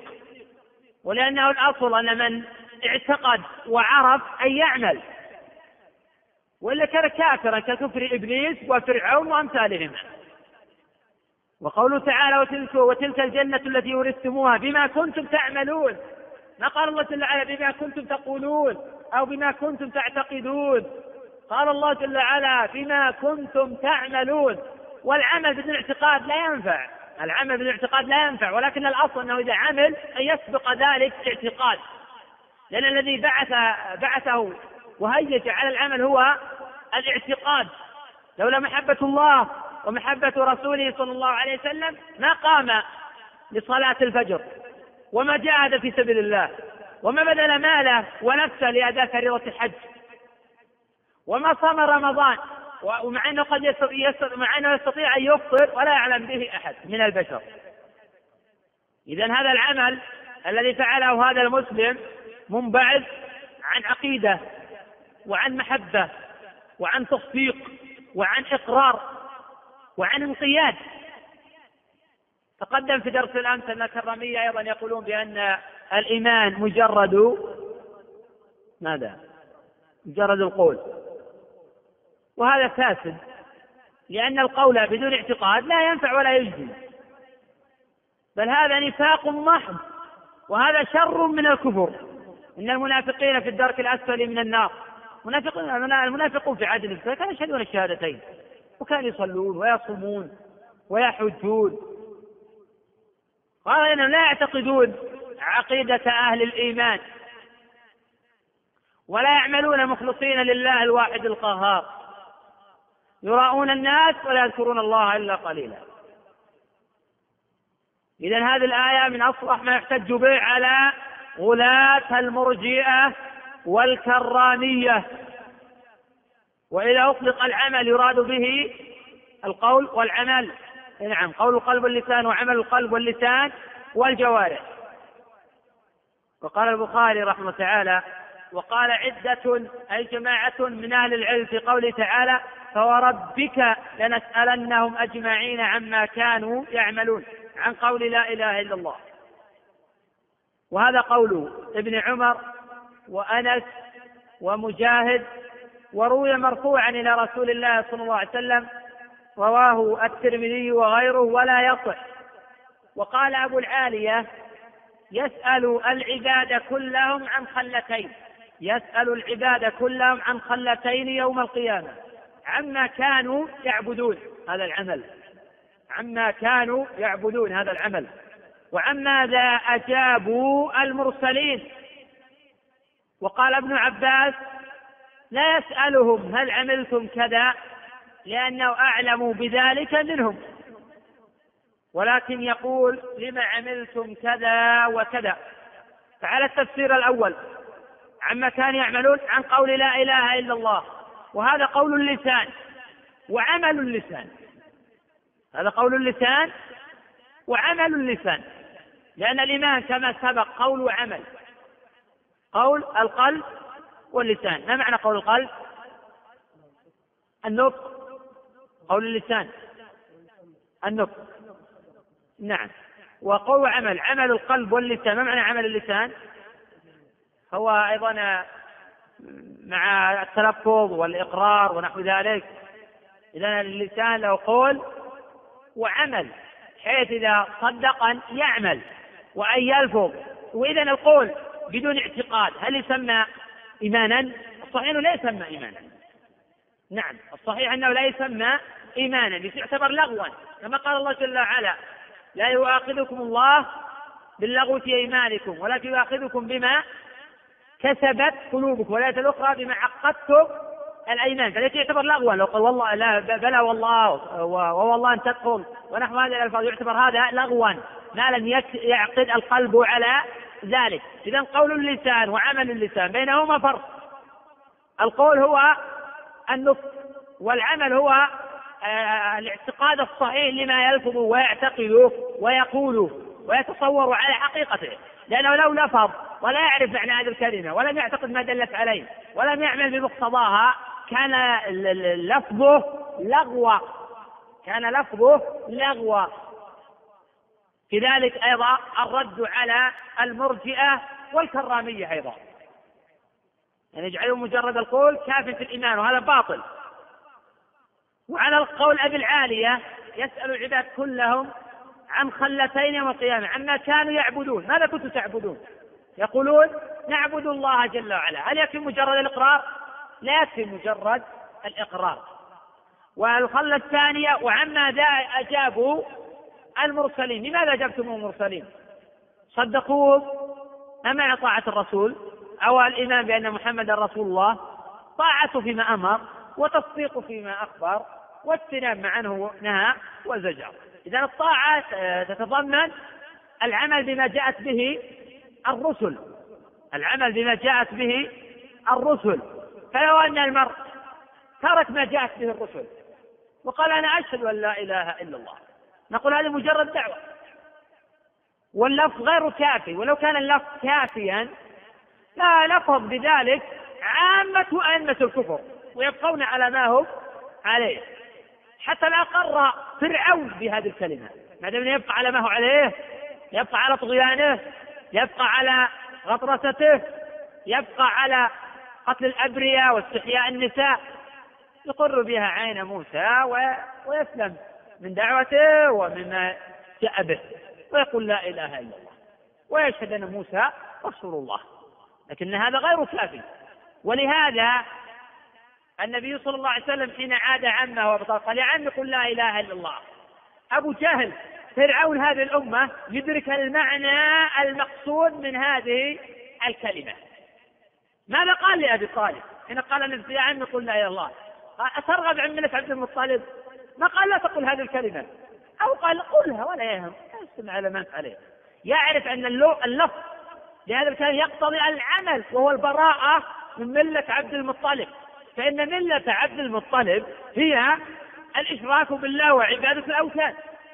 إذا مجرد الإقرار واللفظ. فلو أن المرء قال أنا أعتقد أن الشرك باطل وأشهد أن لا إله إلا محمد رسول الله ولكن أجعل هؤلاء وسائط أسألهم غاثة اللهفات وزالة الكربات تفريج الناس. نقول أن هذا اللفظ لا ينفع. لأنك أتيت بما يناقضها. أتيت بما يناقضها. لا إله إلا الله وأن محمد رسول الله ولم يعمل لله خيرا قط. ترك تلك العمل مطلقا. نقول لم يكن رجل مؤمنا. لأن الجنة طيبة ولا يدخلها إلا طيب. إذا ما يدخل الجنة إلا بالعمل. بما كنتم بسبب أعمالكم. وهذا لا ينافي قوله صلى الله عليه وسلم. ليدخل الجنة أحد منكم بعمل. رواه البخاري حديث أبي هريرة. لأن المنفي هنا باء المعاوضة والمقابلة والمثبت هنا باء السببية. فلا تنافي بين الآية وبين آه، الحديث. إذا التوحيد لا بد من اعتقاد بالقلب وقول باللسان وعمل القلب واللسان والجوارح. فإن اختل شيء من هذا لم يكن الرجل مسلما. والإيمان كما تقدم يتبعض عند أهل السنة والجماعة. وعلى الصحيح عند أهل السنة والجماعة أن التصديق الذي في القلب يتفاوت. كما قال أبو بكر المزني ما سبقهم أبو بكر بكثرة صوم ولا صلاة ولكن سبقهم بشيء وقر في قلبه. وعلى قول ابن عباس يقول يسألهم هل عملتم كذا؟ لأنه أعلم بهم. ولكن يقول لما عملتم كذا وكذا؟ أي على وجه التوبيخ لهم. وأكثر أهل العلم على خلاف هذا لأنه قد يسألهم هل عملتم كذا؟ ليكون الحاضر علامة على الغائب. يكون هذا من باب تقريرهم ويكون هذا على وجه التقريع. والتوبيخ. قوله جل وعلا فوربك لنسألنهم أجمعين عما كانوا يعملون. في قول الرابع أن مع العمل هنا يشمل مقتضى الإيمان. مقتضى مراتب الإيمان اللي هي قول وعمل. ويشمل قول اللسان وقول القلب ويشمل عمل القلب والاعتقاد والعمل بالجوارح لأن الله جل وعلا قال عما كانوا يعملون. وقد تقدم أن الاعتقاد يسمى عملا وأن القول يسمى عملا. إذا مانع أن نحمل الآية على عمومها. عما كانوا يعملون من قول باللسان واعتقاد وعمل القلب والجوارح. فتصبح الآية عامة. ونأخذ من هذه الآية الرد على المرجئة غلاتهم وغيرهم. لأن الغلاة يقولون الإيمان التصديق وغير الغلاة يقولون قول واعتقاد دون العمل. ولكن غير الغلاة يقولون قول وعمل قول واعتقاد والاعتقاد تنبعث من أعمال الجوارح. ومن قال بهذا فهو مخطئ في لفظه مصيب في المعنى. ولكن لا بد يأتي باللفظ وإلا صار مبتدعا. وهذا الارجاء هو الذي يسميه ابن تيمية ارجاء الفقهاء. لأن يقرون بالأعمال ولكن يقولون تنبعث من اعتقاد القلب. لكن حتى يقال أيضا هذا كلام مبتدع منهم. لأن الله جل وعلا ذكر في كتابه الأعمال جزاء بما كانوا يعملون. فليش ما يصرحون بما جاء بالكتاب والسنة؟ ولماذا الحيدة عما جاءت به الرسل؟ والاقتصار على القول والاعتقاد. وقد يقال إن هذا ينبع عما وراءه. وعلى كل فهذا قول مبتدع ولكنه أخف أنواع الارجع لأن يقولون أيضا بتكفير عباد الأصنام عباد القبور ونحو ذلك. لكن يقولون إن مجرد الفعل ليس هو الكفر. إنما هذا الفعل دلالة على الاستحلال أو دلالة على الجحد أو دلالة على انتفاء التصديق. قال السنة يقولون بأن مجرد الفعل هو الكفر. أهل السنة متفقون على أن من قال أو فعل ما هو كفر صريح كفر بمجرد الفعل. ولقد قالوا كلمة الكفر. فمناط الكفر هو بالقول الذي تكلموا به. وقال تعالى من أدلة البخاري أيضا قال الله جل وعلا لمثل هذا فليعمل العاملون. قال قتادة هذا من كلام أهل الجنة. وقال الحافظ ابن جرير رحمه الله تعالى هو من كلام الله تعالى. يقول تعالى لمثل هذا الذي أعطيت هؤلاء المؤمنين من الكرامة في الآخرة فليعمل في الدنيا لأنفسهم العاملون. ليدركوا ما أدرك هؤلاء بطاعة ربهم. ودلالة الآية الصريحة على أن الأعمال من مسمى الإيمان وأن من لم يعمل بعمل هؤلاء الذين أكرمهم الله جل وعلا بدخول الجنة لم يحظى بما حظوا به. إذا هذه الآية تفسر بالآيات الأخرى بما كنتم تعملون جزاء بما كانوا يعملون. إذا من الضروري العمل. قال الإمام البخاري رحمه الله تعالى حدثنا أحمد ابن يونس أحمد هذا هو ابن عبد الله ابن يونس ابن عبد الله التميمي اليربوعي. التميمي اليربوعي. يقال إنه مولى الفضيل بن عياض. ولد سنة أربع وثلاثين ومائة وقد سئل الإمام أحمد رحمه الله تعالى عمن ترى أن نكتب الحديث. فقال اخرج إلى أحمد بن يونس. فإنه شيخ الإسلام. وقال أبو حاتم رحمه الله تعالى كان ثقة متقنا ومات سنة سبع وعشرين ومائتين وموسى بن إسماعيل. أي حدثنا أحمد بن يونس وموسى بن إسماعيل. قد تقدم الحديث عن موسى بن إسماعيل. من هو هذا؟ من قرين. نعم أخرج الجماعة. في السنة ثلاث وعشرين ومائتين صبت قال حدثنا إبراهيم بن سعد. تقدم الحديث عنه. وهو إبراهيم بن سعد بن إبراهيم ابن عبد الرحمن بن عوف. ثقة. وقد خرج له الجماعة. ولد سنة عشر ومائة ومات سنة ثلاث وثمانين ومائة قال إبراهيم بن سعد حدثنا ابن شهاب. هلا ما اسمه ابن شهاب؟ ما اسمه. هلا ما اسمه؟ إيش ما تدري. تكرر مرارا وإمام مشهور وتابعي. ولا يوجد كتاب من كتب الأئمة إلا وله رواية فيه. الأخ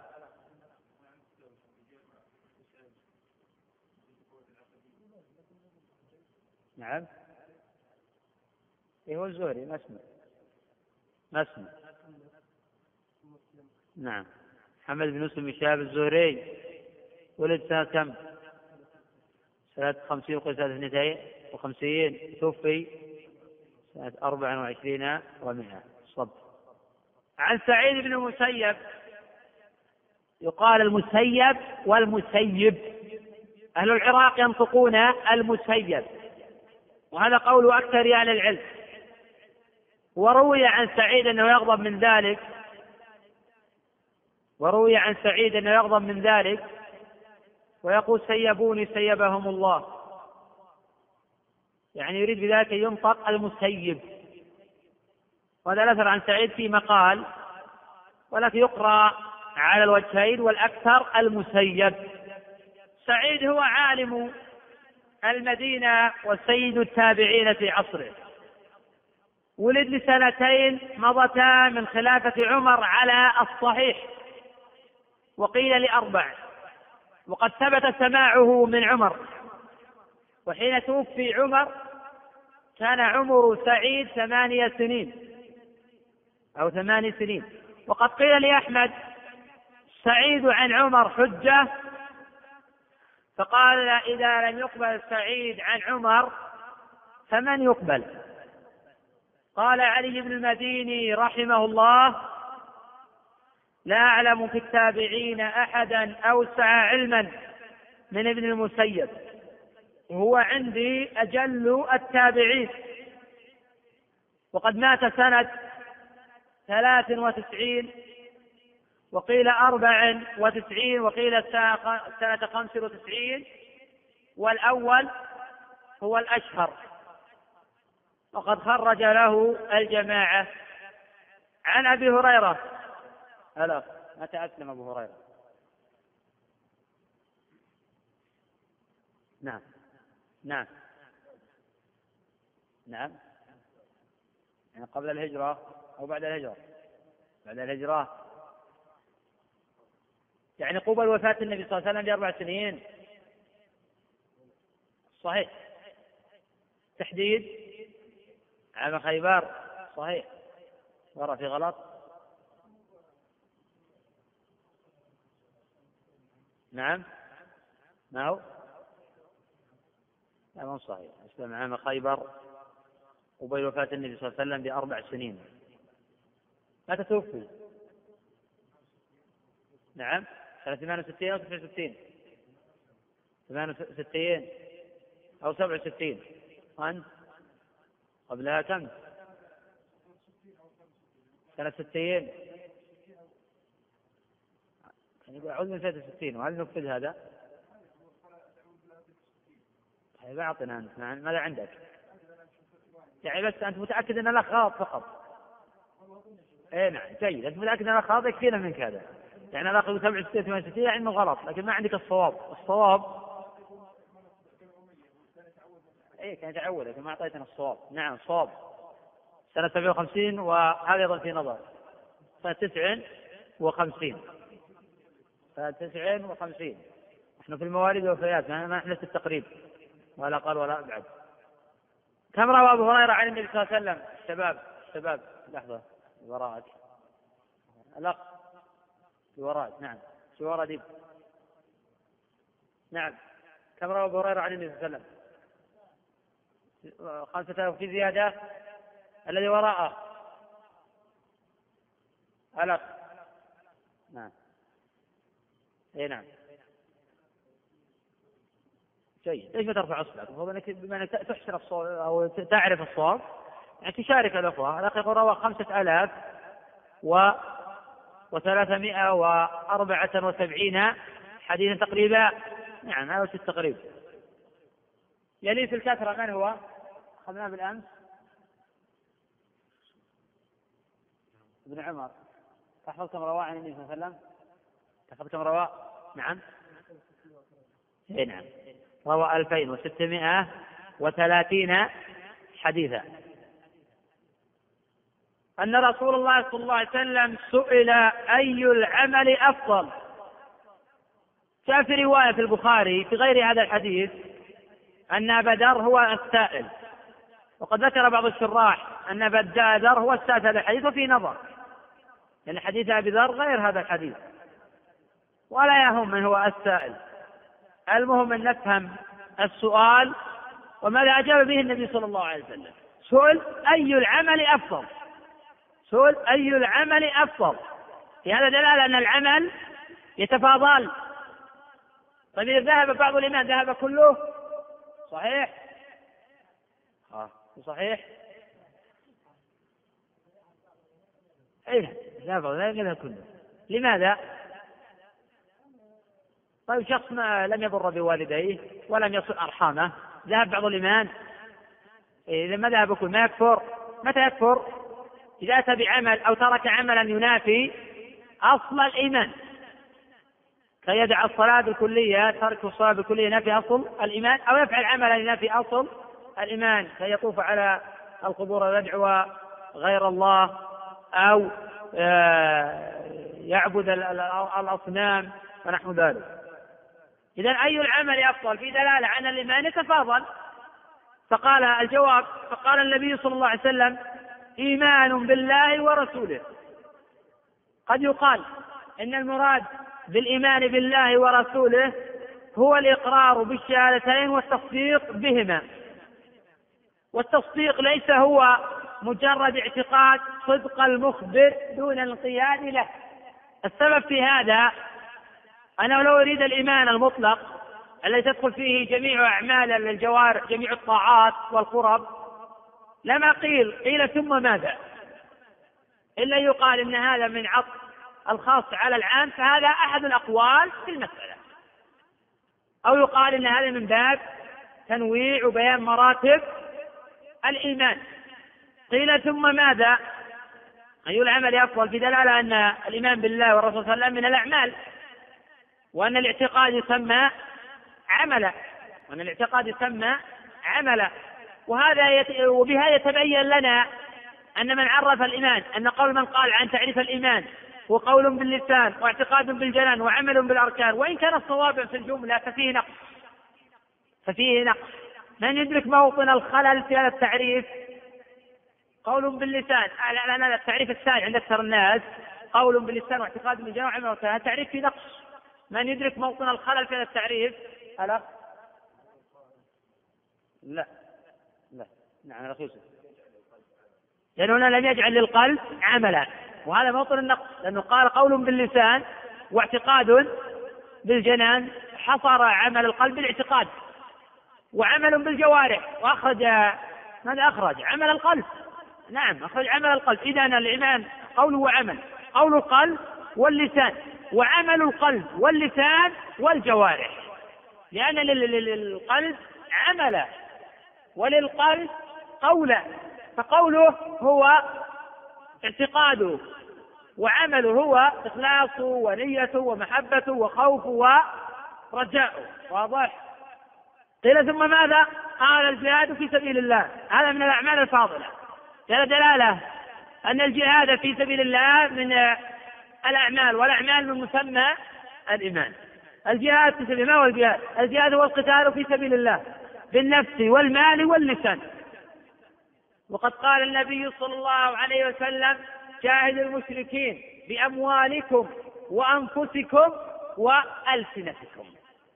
فأثبت النبي صلى الله عليه وسلم جهاد المال وجهاد اللسان وجهاد النفس. هذا الحديث صحيح أو ضعيف؟ ألا ألا صحيح. أكيد. يا أبي داود. تحفظ الصحابية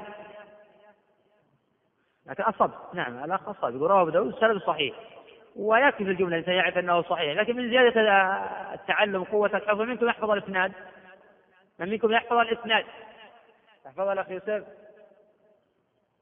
قال أبو داود رحمه الله تعالى حدثنا موسى ابن إسماعيل وهو الموجود عندنا الآن.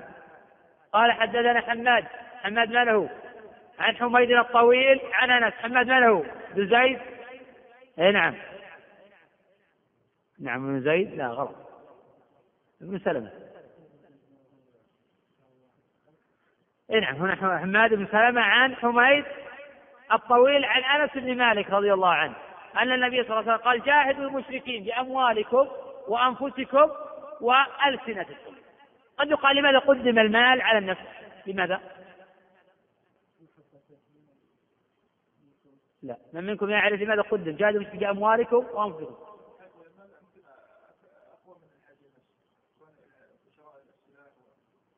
هذا أحد الأقوال اللي قيلت أن الحاجة إلى المال أعظم من الحاجة إلى النفس وقت آه، وجود الأنفس الكثيرة بحاجة إلى السلاح هذا أحد الأقوال في نعم.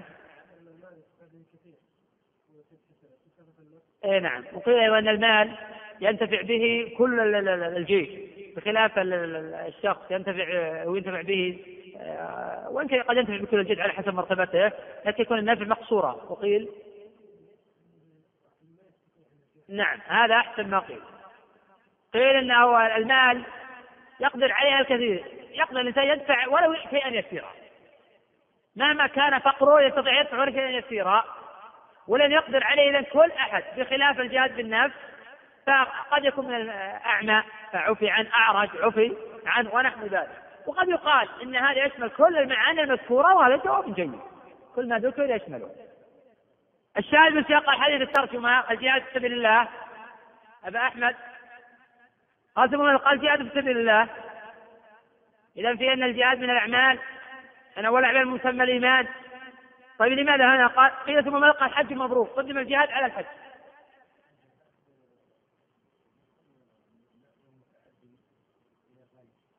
الجهاد لكنها الحج فرض من فرض الإسلام. وقد قيل أن تارك الحج كافر لكن تارك الجهاد لا يكفر لكن لماذا قدم الجهاد على؟ نعم. إيه لكن هنا مغايرة العطف في المغايرة ولا فرض عين الجهاد. يعني يبقى أن الحج أفضل. يعني يقال يعني هذا مقيد الجهاد. طيب قد يقال بعدين الجهاد غير مستطيع. إذا ما استطاع على هذا قد يستطيع على هذا. في جواب آخر جاي يكون يعرف الجواب. نعم نعم. لحال السائل جيد باعتبار ليش نبه على هذه المسائل؟ لحدث السائل إلى ذلك. لكن ليش قدم هنا قيل الجهاد الحج الجهاد على الحج؟ القول الأول قيل إنه قدم لأن الجهاد يتكرر والحج لا يجي في العمر إلا مرة واحدة. فقدم ما يتكرر على ما لا يجي في العمر إلا مرة واحدة. هذا قول اول وقيل إنه قدم لأن الأمة الإسلامية في ابان ظهور الإسلام بحاجة إلى الجهاد.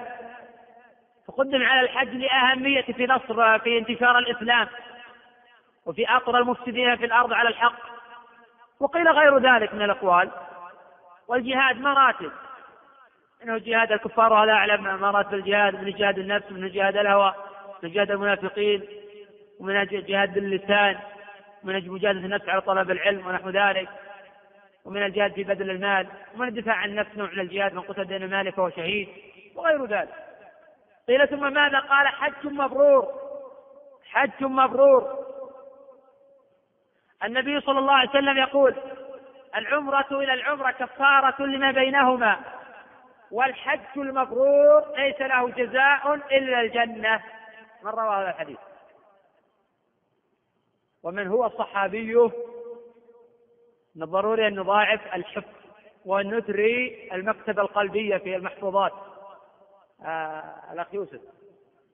فقط؟ نعم. متفق عليه من حديث أنس أو أبي هريرة أو أبي سعيد الخدري. اختر واحدة منهما لا. حديث أبي هريرة. والنبي صلى الله عليه وسلم من حج فلم يرفث ولم يفسق رجع كيوم ولدته أمه والرواه البخاري فقط؟ اتفق عن حديث أبي هريرة. حديث أبي هريرة. الحج المبرور هو ما كان خاليا من الرياء وما كان بنفقة حلال ولا رفث ولا كسوق ولا جدال بالباطل. إذا اشترط الحج المبرور خمسة شروط؟ الشرط الأول أن تكون النفقة من مال حلال فلا يكتسب من ربا وغش للمسلمين وخديعة وسرقة ونحو ذلك. الشرط الثاني أن يكون مخلصا لله فلا يحج للرياء ولا للسمعة. الشرط الثالث ألا يرفث. ما هو الرفث؟ الرفث يا أخ حج أشهر معلومات فمن فرض فيهن الحج فلا رفث هو الرفث؟ الجماع الرفث الجماع الرابع ألا يفسق. الخامس ألا يجادل بالباطل. وفي هذا دلالة أن الحج مبرور من الإيمان ودخول الأعمال في مسمى القلب. واضح؟ كله واضح؟ إذا نقف على هذا. نعم. إذا قال الإنسان من الإيمان قول وعمل واعتقاد. وقال تارك تنسى العمل مطلقا لا يكفر نعم نقول هذا مذهب المرجئة بل هذا مذهب غلاتهم. قد تقدم الحديث عن هذا القضية درس الأمس وكما قال الحميدي هذا الكفر بالله الصراح. قال من قال هذا فقد رد على الله أمره وعلى الرسول خبره صلى الله عليه وسلم. وكما تقدم في كتاب الشيخ لا خلاف أن التوحيد لابد يكون بالقلب واللسان والعمل فإن اختل شيء من هذا لم يكن الرجل مسلما. وكما تقدم في كلام اسحاق غلت المرجئه حتى صار من قولهم إلى آخر ما قال. وقد تقدم الحديث عن هذا القضية في درس الأمس. نعم.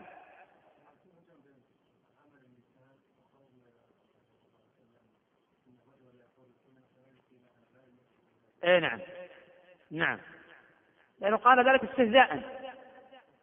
قال ذلك استهزاء أو عدم مبالاة بما يقول. إذا اللسان يؤاخذ على لسانه. يؤاخذ على لسانه ما دام إنه متعم إنه قد تعمد النطق. فلو ان المرء استهزأ بالدين. كالذين قالوا ما رأينا في القرآن هؤلاء يرغبون ولا ولا يزمن عند اللقاء. ثم قال هذا يستهزئ بالدين ويسب الله ويسب الرسول صلى الله عليه وسلم وقال أنا ما أعتقد. نقول حين لفظت أأنت سكران؟ إذا قال لا. نقول تشعر بما تقول؟ قال نعم أشعر بما أقول. نقول إذا لا التفات إلى اعتقادك. ما دمت قد تعمدت النطق فتؤاخذ بهذا اللفظ. وإلا لو ما اخذ الإنسان بهذا اللفظ لادعى كل شخص أنه لا يعتقد ما يقول فإن الناس يؤاخذون بأقوالهم. كما لو قال لزوجته أنت طالق وهو شعوري ولم يكن غضبانا. ثم قال أنا ما أقصد طلاقها. هذا لا ينفع. طلق زوجته. ما دمت قد لفظت بالطلاق ولست بنائم ولا بمجنون. ولا بموسوس ولا بسكران إذا ما الذي دعاك إلى اللفظ بذلك؟ قال أنا أمزح أو أهزل. نقول لا هزل في ذلك. نعم. وأما ما جاء في قوله صلى الله عليه وسلم قال لا يلقي لا يلقي لها بالا. ولا تتكلم بالكلمة ما يلقي لها بالا. أي لا يلقي بالا لعظمتها ونحو ذلك. هذا المعنى. لا يلقي بالا لعظمتها ونحو ذلك. فليس شرط يقدر حجم المسألة. ولذلك العلماء يفرقون بين الجهل بالحكم والجهل بالعقوبة. فكون الإنسان يجهل العقوبة لا يعذر. لكن كون يجهل الحكم هذا هو الذي يعذر على الصحيح. أما إذا جهل العقوبة لا يعذر على شخص زنى وهو محصن. قيل يرجم والله ما علمت أنه يرجم نقول تعرف الحكم؟ قال نعم ما في ما عرفت العقوبة. نقول يقام عليه. حد فالجاهل بالحكم غير الجاهل بالعقوبة. نعم. قوله وعمل. تعريف صحيح الإيمان كما تقدم في قول البخاري. أن الإيمان قوله وعمل. قول القلب واللسان وعمل القلب. واللسان والجوارح يزيد وينقص. احفظ هذا التعريف الجامع المانع. وهذا الذي يجمع عليه الصحابة والتابعون. وهو الذي نقله البخاري عن ألف عالم من علماء الأمصار أعد أعد ما قلت. الأخ أي نعم ماذا قلت أنا. إن الإيمان قول وعمل. قول أعد. أعد أن الإيمان قول وعمل. نعم. قلب واللسان القلب وعمل القلب واللسان والجوع يزيد وينقص. هذا اللي اتفق عليه الصحابة التابعون كما قال البغوي والشافعي. ونقله غير واحد من أهل العلم. هذا محل إجماع من أهل العلم. نعم.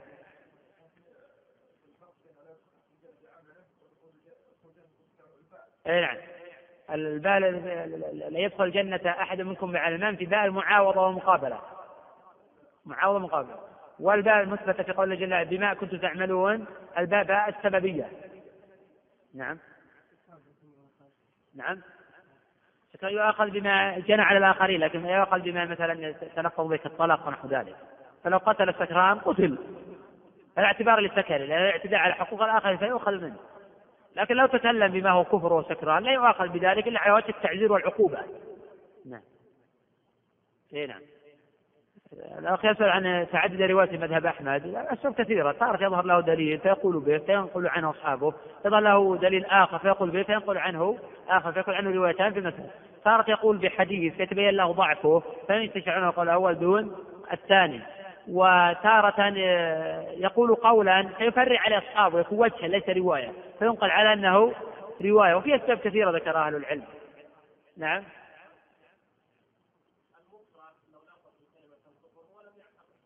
المكره لو لفظ بكلمة الكفر لا يؤاخذ مطلقا.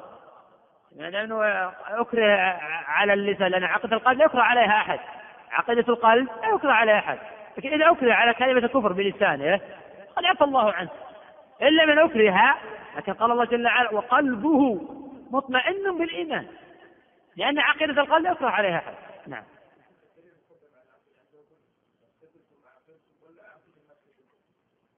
من الضروري الاعتقاد يبنى على دليل. اي نعم. دليل من الكتاب والسنة. دليل من الكتاب أو السنة. من الضروري أن الإنسان يستدل ثم يعتقد. وما أوتي كثير من الناس إلا أنه يعتقد ثم يستدل. ثم بعد ذلك يصعب تحوله وتغيره. لكن الضروري أن تستدل ثم تعتقد. إيه فاعلم هذا من العلم. اي نعم. فاعلم فاعلم من الله واستغفر لك. تعلم. ثم بعد ذلك آه، تعتقد وتعمل. والإنسان من الأصل أنه لا يعني يلفظ إلا بما اعتقد. لا يلفظ إلا بما اعتقد. إلا أنه لو قال اللفظ ولفظ ولا يعتقده يكون هذا اللفظ لغوا ولا حقيقة له. ولا يدخل به في الإسلام إلا أنه يحصل خشية المنافقين ويحصل دمه وماله في الظاهر.